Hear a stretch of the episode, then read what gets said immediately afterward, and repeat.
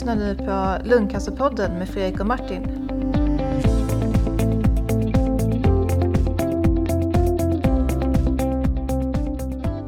Hej och välkomna till Lungcancerpodden. Eh, idag har vi ett spännande avsnitt, Fredrik. Jajamensan! Du har bjudit in en speciell person. Verkligen eh, speciell. Det är nämligen så, eh, vi har med oss idag eh, Maria. Hej Maria! Hej och tack för att jag får komma. Tack själv. Ja, verkligen. Eh, Maria är kontaktsjuksköterska. Mm, det stämmer. Och, eh, ja, vi tänkte helt enkelt prata lite med dig och höra vad, vad, vad det här är. Jag, jag vet ju det eftersom eh, jag menar, du är ju min, eller var min kontaktsjuksköterska eh, eh, under många år. Nu när, nu när jag flyttat till eh, Skåne så, så um, fungerar det här på ett lite annat sätt. Men då tänkte vi att då kan vi förhöra Maria äntligen på, på vad det är egentligen som händer här bakom fasaden.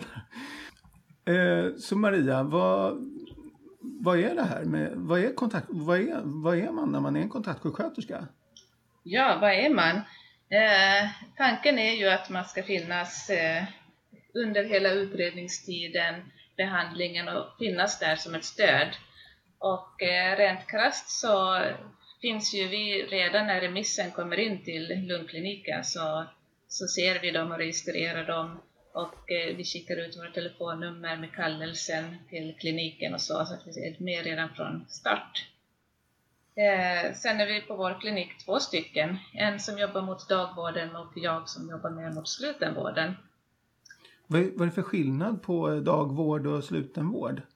Dagvården är ju där patienterna kommer polikliniskt på en remiss eh, från kanske vårdcentralen eh, eller andra sjukhus där man har utrett och så gör man en utredning hos oss då med eh, träffar träffa doktor, bronkoskopi och eh, sen så småningom får en diagnos. Men sen är det ju många som också kommer in via sjukhusets akutmottagningar, andra sjukhus och läggs in för och gör utredningen inneliggande av olika orsaker.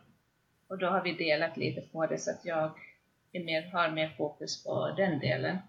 Ja, okej. Eh, och liksom kontaktsjuksköterska, eh, du sa där, men liksom redan när patienten kommer in så, så liksom eh, meddelar att du finns och jag är din kontaktsjuksköterska. Och vad innebär det för patienten?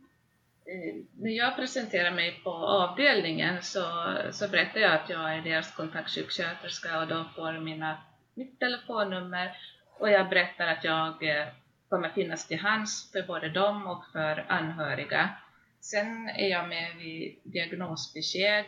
Jag eh, brukar starta upp första cytostatikakuren på avdelningen om det behövs. Men mitt stora jobb blir ju när patienten sen skrivs ut. Eh, då gör, försöker jag göra en vårdplan. De får tiderna av mig, vart de ska sen, de kanske ska strålas. Då rapporterar jag det till Radiumhemmet. Först kanske jag ska ha en ny behandling på dagvården, då ordnar jag, ordnar jag de tiderna. Och sen så får de ringa mig.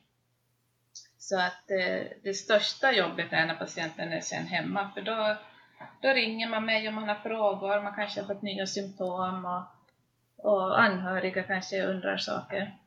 Jag tycker ju som, som eh, läkare då så är det ju så otroligt skönt att veta att det finns en kontaktsjuksköterska som just eh, Tyvärr så är det ju så att läkarkontinuiteten ofta brister och sådär men, men kontaktsjuksköterskan representerar ju ofta liksom den här en genuin trygghet och liksom att man vet vart man ska höra av sig. Och, och sen så vet kontaktsjuksköterskan i sin tur precis vad, vilken doktor man ska koppla ihop det här med och sådär. Så att, eh, just att representera att, liksom att, att bli den här eh, kontinuiteten genom vårdförloppet, är inte det oerhört centralt i kontaktsköterskerollen, Maria? Eller? Ja, absolut. Och eh, i dagens eh, verklighet är det många olika doktorer som är, så är det väldigt skönt för patienten att man alltid är med. Och många patienter vill att man är med på varje läkarbesök för att man sen kan återkoppla, man kan berätta vad sa det doktorn, eh, Översätta Ja. lite grann kanske ibland också. översätta lite språk när man inte har förstått. Eh, Även kanske anhöriga inte kunnat vara med, då kan man återge, då vet jag vad doktorn har sagt och då kan jag återge lite grann. Eh, Plus att jag, mycket av mitt jobb går också åt när patienten ringer och kanske har ett problem. Då diskuterar jag det med doktorerna. Jättetätt samarbete med våra doktorer. Vad ska vi göra? Ska vi ta in dem? Är det något vi kan göra kliniskt? Um, och eh, ja, då känner jag patienten från början till slut så att jag kan, kan precis berätta, nej men det här är nytt och det här har inte varit tidigare och, och så. Och, och, och, det är ju också någonting som representerar en oerhörd trygghet för, för doktorn. Att, att man vet att du som kontaktsjuksköterska har väldigt mycket hela bilden. Att du, du har träffat patienten under hela, under hela förloppet, känner ofta patienten Eh, det, det, finns ju just de här gångerna när man kanske täcker för någon kollega eller så där man inte har träffat patienten flera gånger innan och sådär så är det ju otroligt skönt att kunna få en snabb avstämning först med en person som verkligen har haft den här kontakten under hela förloppet och sådär.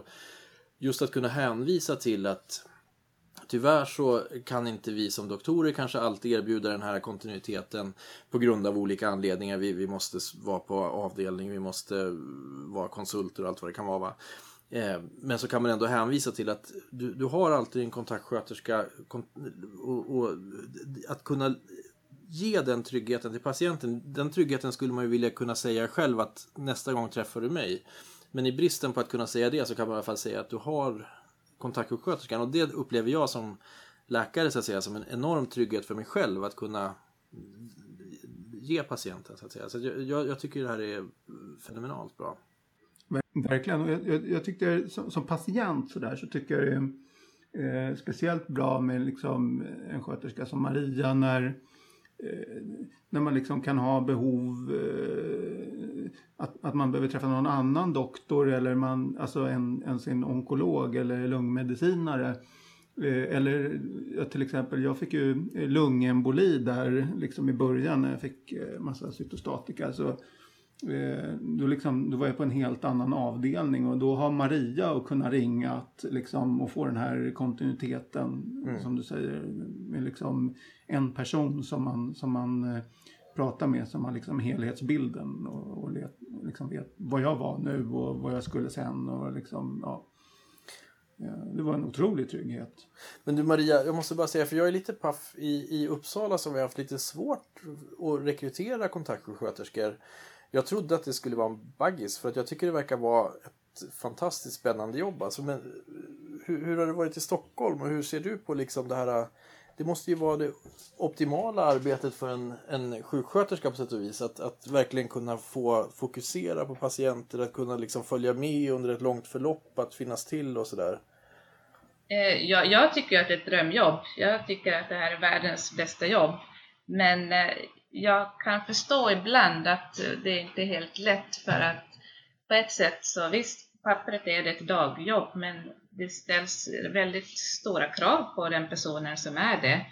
Man måste vara väldigt självständig, våga ta väldigt mycket beslut, väldigt mycket telefonrådgivning, mycket anhörigstöd, svåra samtal, ligga steget före hela tiden, bevaka väldigt mycket, bevakar jag har jättemycket bevakningslistor, går igenom mina patienter, tittar, är det något röntgensvar som har kommit in, är det något nytt prov som har kommit in, diskuterar med doktorn, ska den här sättas upp en ny rond? Eh, så att, eh, det, det, är väldigt mycket att göra, men det är väldigt roligt.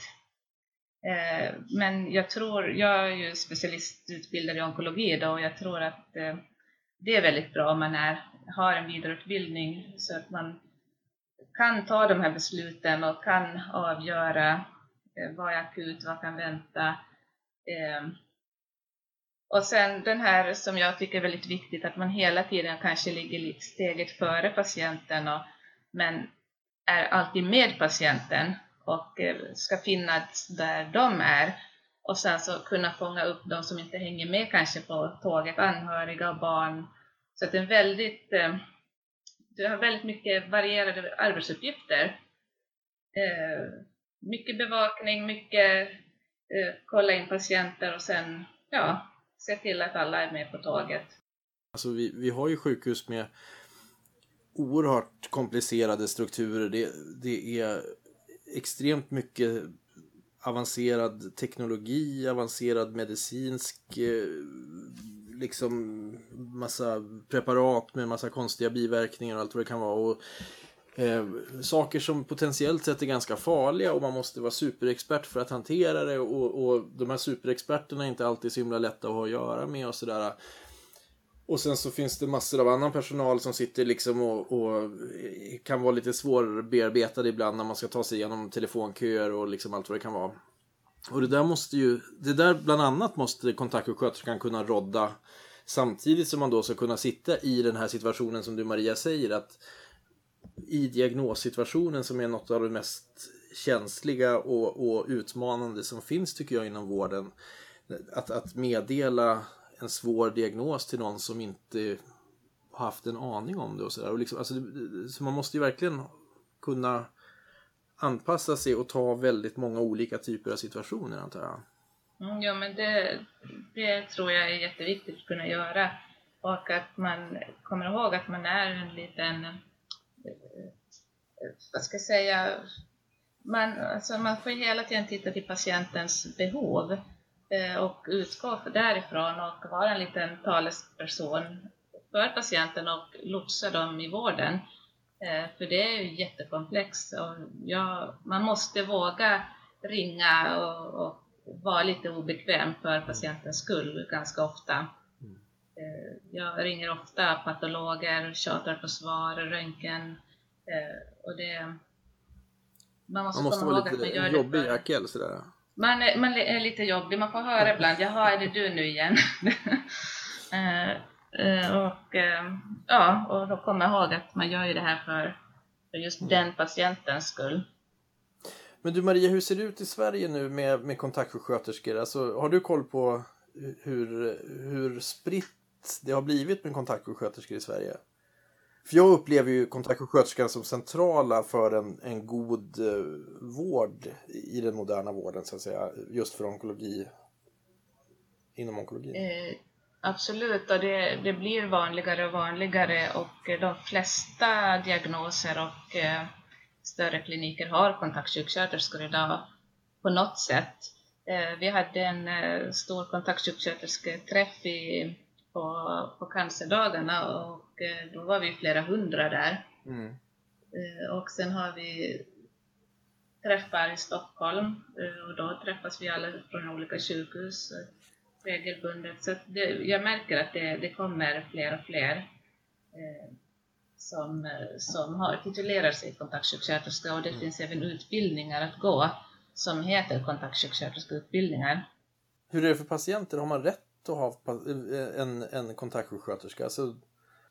Eh, man har i de här nya standardiserade vårdförloppen som kommer så, så ska kontaktsjuksköterskans namn skrivas in. Det, och i, i, när man canceranmäler så ska det stå, har patienten en kontaktsjuksköterska så ska det fyllas i.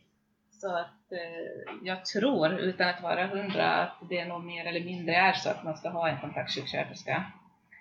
Nej, vi, har, vi delar ju ut, eh, så att eh, har man fått diagnos på ett annat sjukhus, till exempel Danderyd eller Sankt Göran, så redan där får man vårt kort så att eh, man kan ringa oss eh, innan man ens har fått, eh, vi har fått remissen så, så får de våra telefonnummer. Hur många patienter har man ungefär som kontaktsjuksköterska? Hur många liksom klarar man av att, att uh, hantera samtidigt? Jag kan tänka mig att det är liksom olika för olika uh, cancerdiagnoser och så, men speciellt för lung då, uh, liksom ungefär på, mellan pek, tummen och pekfingret. Vad, Ja, man får ju först komma ihåg att alla kommer inte behöva en kontaktsjuksköterska. Vissa kanske ringer ett samtal. Men eh, vi har 900 remisser till Stockholm, varav 500 går till Solna och 400 till Huddinge ungefär. Eh, så att eh, det blir några hundra patienter som vi har, vad kan man säga? 400-500 patienter. Mm. Och det är nog för många. Eh, för att man ska kunna liksom uppleva att man gör ett riktigt, riktigt eller att man kan känna att man, man är, uppfyller det man vill kunna göra som kontaktsjuksköterska, eller? Ja, alltså, jag, tänk, jag, jag, jag och mina bevakningslistor här nu igen, men jag ser ju ungefär att jag har 50-60 i omlopp som jag har kontakt med regelbundet. Eh, mm. Och sen har jag då vissa som jag mer eller mindre har lite koll på, så där ser att jag med flyter. Eh, men eh, man känner ju att man aldrig riktigt räcker till. Det finns ju eh, många som man kanske tänker, de här borde jag ha ringt och det har jag inte hunnit och, mm. och, så. så att, eh, men det blir väl, ja det, det blir nog några hundra som man ändå har. Som, men så vet man att utredningstiden, då behöver de oss mera och sen när man har kommit in i behandling, då brukar man inte ha lika eh, stort behov av oss eh, hela tiden. Mm. Eh, så det brukar, så att det, ja. Nej, men jag, jag, vet att som vi har i Uppsala nu så, så har vi en dryg heltid på, då har vi kanske 300 remisser ungefär in per år. Eh, och så har vi väl ungefär 150 lungcancerfall. Mm. Så, att, så att vi kanske har något högre bemanning då. Men då tror jag å andra sidan att våra tjänster lite grann skäls av annan allmän mottagningsverksamhet och sådär. Så att jag, jag, tror inte att vi kanske har riktigt så mycket som vi säger att vi har. Men, men eh, återigen, alltså, jag tror ju att behovet är ju, alltså det, det, finns så mycket att göra och just eh, kring, just kring eh, utredningsdelen som ju är den, ska gärna vara snabba puckar. Vi, vi måste bearbeta vårdsystemet för att det ska gå så snabbt som möjligt. Man måste liksom ligga på lite grann för att få fram svar och få fram tider och sådär. Och där, där, krävs det ju väldigt mycket tid eh, för, för kontaktsjuksköterskorna. Alltså. Mm. Eh, jo, jag, tror, jag tror att det är väldigt, ja. åtminstone sett i, i, vårt perspektiv så är det väldigt kostnadseffektivt också för vi får väldigt mycket värde för patienterna genom att, att ha de här dedikerade kontaktsjuksköterskorna som, som kan alla de här olika vägarna, olika nummer till olika viktiga svarsutlämnare och röntgenbokar och allt vad det kan vara liksom. Eh, istället för att ha liksom ad hoc sjuksköterskor som, som lö försöker lösa saker men det tar mycket längre tid och det blir inte alls samma servicekänsla och trygghet för patienten heller. Så att... Absolut och sen så kan vi försöker alltid eh, underlätta för patienten. Om de ringer och mår dåligt då gör vi en bedömning eh, tar kontakt med ICH, kanske lägger in patienten på, en, på deras avdelningar, eh, funderar, behöver de akutvård, ja eller nej. Så att rent eh, effektiviteten för sjukhusen tror jag blir också bättre när det går genom en kontaktsjuksköterska. Har ni möjlighet att ta ett sådant beslut direkt? Alltså att, att en patient ringer och du kan säga att vet du, jag ska ta kontakt med ASIH, de kommer göra en bedömning om att lägga in dig liksom, eller? Mm, det, det behöver det, egentligen inte. Det händer. Om, om patienten har ASIH och de ringer mig då, då ringer jag upp ASIH och berättar, nu har den här ringt, vad tycker ni? Och så kanske den läkaren åker hem till dem och så säger de, jo men jag tycker att vi lägger in den hos oss istället. Eh, och så gör de det och ibland så säger de, nej men jag tycker att den här patienten behöver komma in och så försöker jag ordna direktinläggning på avdelningen om det går. Eh, så att det samarbetet har vi ofta att vi diskuterar eh, utifrån då patientens eh, behov. Eller vad de har. Ja. Och det kan man ju som Fredrik, jag kan tänka mig att du tycker att det låter väldigt naturligt och att, att säga men herregud, det är självklart att det fungerar på det sättet. Men det kan jag väl som lite insider i, i vårdvärlden säga typ att det är inte alls alltid som, som det mest logiska systemet är det som är det förhärskande utan oftast måste det gå via massor av olika vårdkoordinatorer och doktorer och allt vad det kan vara för att det ska bli ett beslut som sparar massor av allmänt arbete liksom. Eh, så det låter ju otroligt bra Maria, det system som, som ni har. Ja, alltså, ja, jo, jag tycker att det fungerar bra. Sen är det ju alltid det här med att det inte finns platser och hela den biten. Men, men jag, jo, jag tycker att vi har ett bra samarbete med många ASIH-team och, och eh, de känner patienten, jag känner patienten. Mm. Och jag kan tänka mig liksom att det sparar mycket, jag vet bara som själv som patient, liksom, vad mycket frustration det antagligen har sparat för mig Eh, jag menar någon gång, jag menar bara försöka ringa till en vårdcentral och få tag i samma människa. Eller liksom, ja, men jag ringde ju precis om det. Liksom att inte behöva få det eh, som cancerpatient utan att istället liksom ha ja, men, eh, en Maria och liksom eh, mejla till, ja, men, vet du det där? Eller speciellt då, eh, som ni säger, under, under diagnostiden eller den här utredningstiden. Att man, man hade ju tusen frågor och min fru hade tusen frågor och min familj hade tusen frågor och vi mejlbombade Maria. Eh, hon fick skicka de där frågorna vidare hit och dit och liksom samla svar. Och det, det var otroligt, otroligt värdefullt att ha det. Att liksom bara stå själv och, och famla i mörkret. Liksom. Det, ja, det är obetalbart verkligen.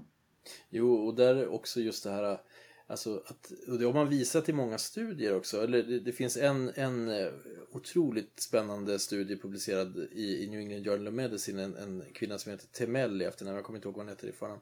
Men, men där man har visat att just om man kan erbjuda patienten en trygghet tidigt genom att få kunskap, få utbildning kring sin situation, få vetskap om hur sjukdomsförlopp och behandlingar och vilka möjligheter med vård och, och vårdlivets slut och så vidare som finns. Så mår patienten mycket bättre, patienten lever längre, patienten behöver mindre sjukhusvård och sådär. Så att liksom, det här är ju en enormt viktig investering för vården. Att, att, jag menar, kan vi få trygga patienter genom att vara finnas till hands och kunna svara på frågor precis som kontaktsjuksköterskan ofta kan göra så har vi ju då minska trycket på våra akutmottagningar där många cancerpatienter tyvärr sitter i timmatal och väntar på att få liksom provtagning och sen kanske inläggning vilket eh, inte hade behövts om de tre dagar tidigare visste att de kunde ringa till en kontaktsjuksköterska och få ett snabbt eh, svar och kanske lite antibiotika och så hade man kunnat slippa det här och sitta och häcka på akuten och, och vänta på att bli inlagd liksom. Mm. Så, så, att eh, alltså det, just det här att kunna få snabba besked, att kunna få trygga besked, det är ju A och O tror jag för en god vård och för, att, för god hälsa och quality of life som man brukar säga. Mm, och det, på vårt sjukhus så har vi ofta överbeläggningar, alltså att man ligger på en annan avdelning som vi kallar det hotellpatient. Och eh, de har jag ju också ansvar för, så att jag går, de som ligger på andra avdelningar som har lungcancer så går jag och besöker. Mm. Och det har jag ju också märkt är väldigt uppskattat, att någon från kliniken kommer, ibland tillsammans med jouren och ibland ja, kommer jag själv. Eh, ja, och de då får träffa någon från lungkliniken även om man ligger kanske på öron, näsa, hals eller var man kan ligga utplacerad på grund av överbeläggningar. Eh, så det tror jag också är jätteviktigt att man, att man Absolut, jag, jag tror det är också en, alla. Mm. en otrolig kvalitetsindikator att kunna ha den kollen och kunna visa för sina patienter eller sina kunder eller sina, vad man nu vill kalla de som kommer till sjukhuset. Eh, ja. Just det här att man faktiskt ser dem och vet var de befinner sig i sina vårdförlopp och sådär. Mm. Jag tänker på, du Fredrik är ju den som liksom inte sitter i vården som anställd liksom och som en del i det här maskineriet. Liksom, hur, alltså, hur ser du på det här? När, när du tvingades in i vården, vad är din bild av liksom vårdsystemet? Det tycker jag är spännande att höra. Men det är ju, jag menar att det är väldigt mycket, ja men här, på den här avdelningen har jag den här läkaren och sen har jag den här läkaren som gör liksom eh, eh, toraskopin och sen jag en annan läkare som liksom rapporterar resultatet och sen jag en tredje läkare som jag ska gå och träffa liksom första gången organiserat när jag inte ligger där och sen så är det den fjärde läkaren och det är liksom Eh, det är ju tyvärr så att, att det var en del eh, liksom, olika läkare och till slut så, så liksom eh, men Maria hon var ju alltid liksom densamma. Så att det, det kunde jag alltid liksom eh, prata med och liksom runt det. Och sen så fixade hon så att jag liksom hade samma läkare till slut hela tiden och kunde liksom få välja läkare lite med liksom vem man hade bäst personkemi med eller sådär. Att, att eh, eller den, den som liksom var tillgänglig då eller så. Att, att det liksom blev, eh, fick en kontinuitet genom Maria. Liksom. Så att, eh, och sen samma, samma egentligen med sjuksyrrorna. Att, jag menar, alla är ju jättetrevliga och så, så att det är inget, liksom, inget problem så. Men, men, men, eh, det är ändå att man har olika personer hela tiden. Och det, det finns ju ingen som riktigt känner en förutom kontaktsjuksköterskan. Så att, annars är man liksom själv där i, i, i sin, går runt och liksom får sin behandling. Och, eh, ja, man känner liksom inte riktigt att det är någon som, annars hade det inte varit någon som hade liksom haft den där kollen på en att ja, men det är rätt. Liksom. Man hade bara jassat omkring och, och liksom fått olika sprutor här och där och liksom någon behandling där. Och, ja, man hade inte... Ja. Det hade liksom blivit som att ha en bil fast ingen ratt eller något. Ja, men det, och det är ju rätt lustigt kan jag tycka. Liksom jag, jag brukar lämna in min bil på någon verkstad här i stan. Och där har man liksom en personlig servicetekniker som ringer upp en och tjena tjena det är Jocke så här, du jag hörde att du har problem med bilen nu. Och liksom man är otroligt väl bemött och eh, jag menar och, och liksom man vet så här, ja ah, vänta jag tror jag, jo, jag brukar ha Jocke eller vem det nu är liksom. Eh, och nu, jag har inte så mycket problem med bilen. Jag har haft en del i och för sig, men ja, strunt samma. Eh, men jag har reflekterat över vilken fantastisk, liksom, alltså en personlig service, man har en liten bild på vem som tar hand om ens bil och, och vem man kanske då ska vara arg på om de misslyckas och sådär. Mm. Eh, ja, men det, så är det ju på företag också. Man har någonting som heter kundansvarig eller key account. Ja liksom någon som är liksom ansvarig mot en kund om man säljer liksom skrivare eller om man säljer vad det än är. Liksom. Nej, men, och där kan jag tycka, liksom, jag slog mig just nu att alltså, fan, man kanske skulle koppla liksom, vårdlagen egentligen till, till enskilda rum. Att, att liksom, det här är välkommen till vårt rum. Och sen så är det nästan lite så intern tävling. För att nu ser det ju liksom, rummen kan ju se bedrövliga ut. Eh, på sjukhus generellt liksom. Att det är någon tavla som hänger lite snett och helt tråkigt och liksom. Men att liksom, och, att man skulle kunna, just att man liksom, här, att man får den här hemkänslan. Att vi som jobbar på, i sjukvården skulle sporras att, att jobba mer för att ha kontinuitet. För jag menar, jag är övertygad om att patienterna att det är A och O. Det frågar ju varenda patient som kommer till mig. Herregud, ska jag träffa en ny doktor idag också? Liksom. Och, och jag kan bara sucka och säga, ja, tyvärr så är det så. För att det är ingen som riktigt har ja, kunnat schemalägga oss så att, så att eh, du får träffa samma. Det borde inte vara rocket science liksom att få till det här. Men, men det har vi inte lyckats med. Och, och, just det där att, samma sak med vårdpersonalen, alltså vilken otrolig... Det måste ju vara en otrolig känsla för en sköterska eller undersköterska eller sjukgymnast eller vad det kan vara att faktiskt kunna känna att det här, vi är ett team, vi tar hand om de här tre salarna, de som kommer till oss har efterfrågat att komma. Jag vill jättegärna komma tillbaka till sal 3 för där fick jag så fantastisk vård och man börjar känna patienterna bättre och sådär. Eller vad säger du Maria? Förlåt nu. Mm, ja, nej, men jag har funderat jättemycket på, på det här varför det är så svårt att, att få, få till det här och träffa samma sköterska, träffa samma läkare. Eh, och visst, det är mycket forskning, det är kurser. Ibland funderar jag om läkarna skulle boka sina egna patienter hela tiden. Skulle det vara en lösning? Idag kommer ju läkaren ut och säger ja men patienten ska komma hit om sex veckor igen. Eh, och så får man titta vem som jobbar om sex veckor. Men om man skulle vända på det och säga till patienten, ja jag jobbar om fem veckor och om sju veckor så kanske du kommer till mig då om fem veckor. Att man eh, jag vet inte hur man skulle lösa det. Jag, jag tror precis, alltså det, det, där är nog helt rätt. Och jag, och jag, tror att många doktorer och sköterskor och alla, alltså alla vill ju träffa samma patienter igen. Mm. Med, med, med, vissa undantag då där man känner att man har eh, ställt till med någonting eller att man inte har personkemin möjligen. Men liksom huvudsakligen så är det ändå så att till och med när man har haft ett, ett möte som man inte är riktigt nöjd med så vill man ju träffa samma patient igen för att få till så att det blir bra. Liksom. Alltså man har ju en otrolig grundläggande inställning att för allt för patienten, det tror jag liksom alla inom vården har. Men, men någonstans försvinner det ofta i, någonstans på vägen i den här jäkla fabriken som, som bildas kring ett sjukhus. Liksom. Och, och det är ju mm. bedrövligt. Alltså jag längtar tillbaks till någon form av kanske fel att säga Florence Nightingale, hon är ju omodern har jag förstått. Men, men alltså någonstans så, alltså, det är ett kall. Jag tycker inte bara för att det är ett kall så ska man göra det gratis, det är inte så. Men, men eh, man, vi ska inte, vi ska inte liksom missa det här att vården det handlar om kött och blod och känslor och det är ju först då man verkligen liksom får ut allting man kan få av jobbet tycker jag. Alltså, annars så, ja, gud, jag, jag, skulle inte klara av att jobba om jag inte hade känslorna med liksom. Det skulle vara absolut. Alldeles...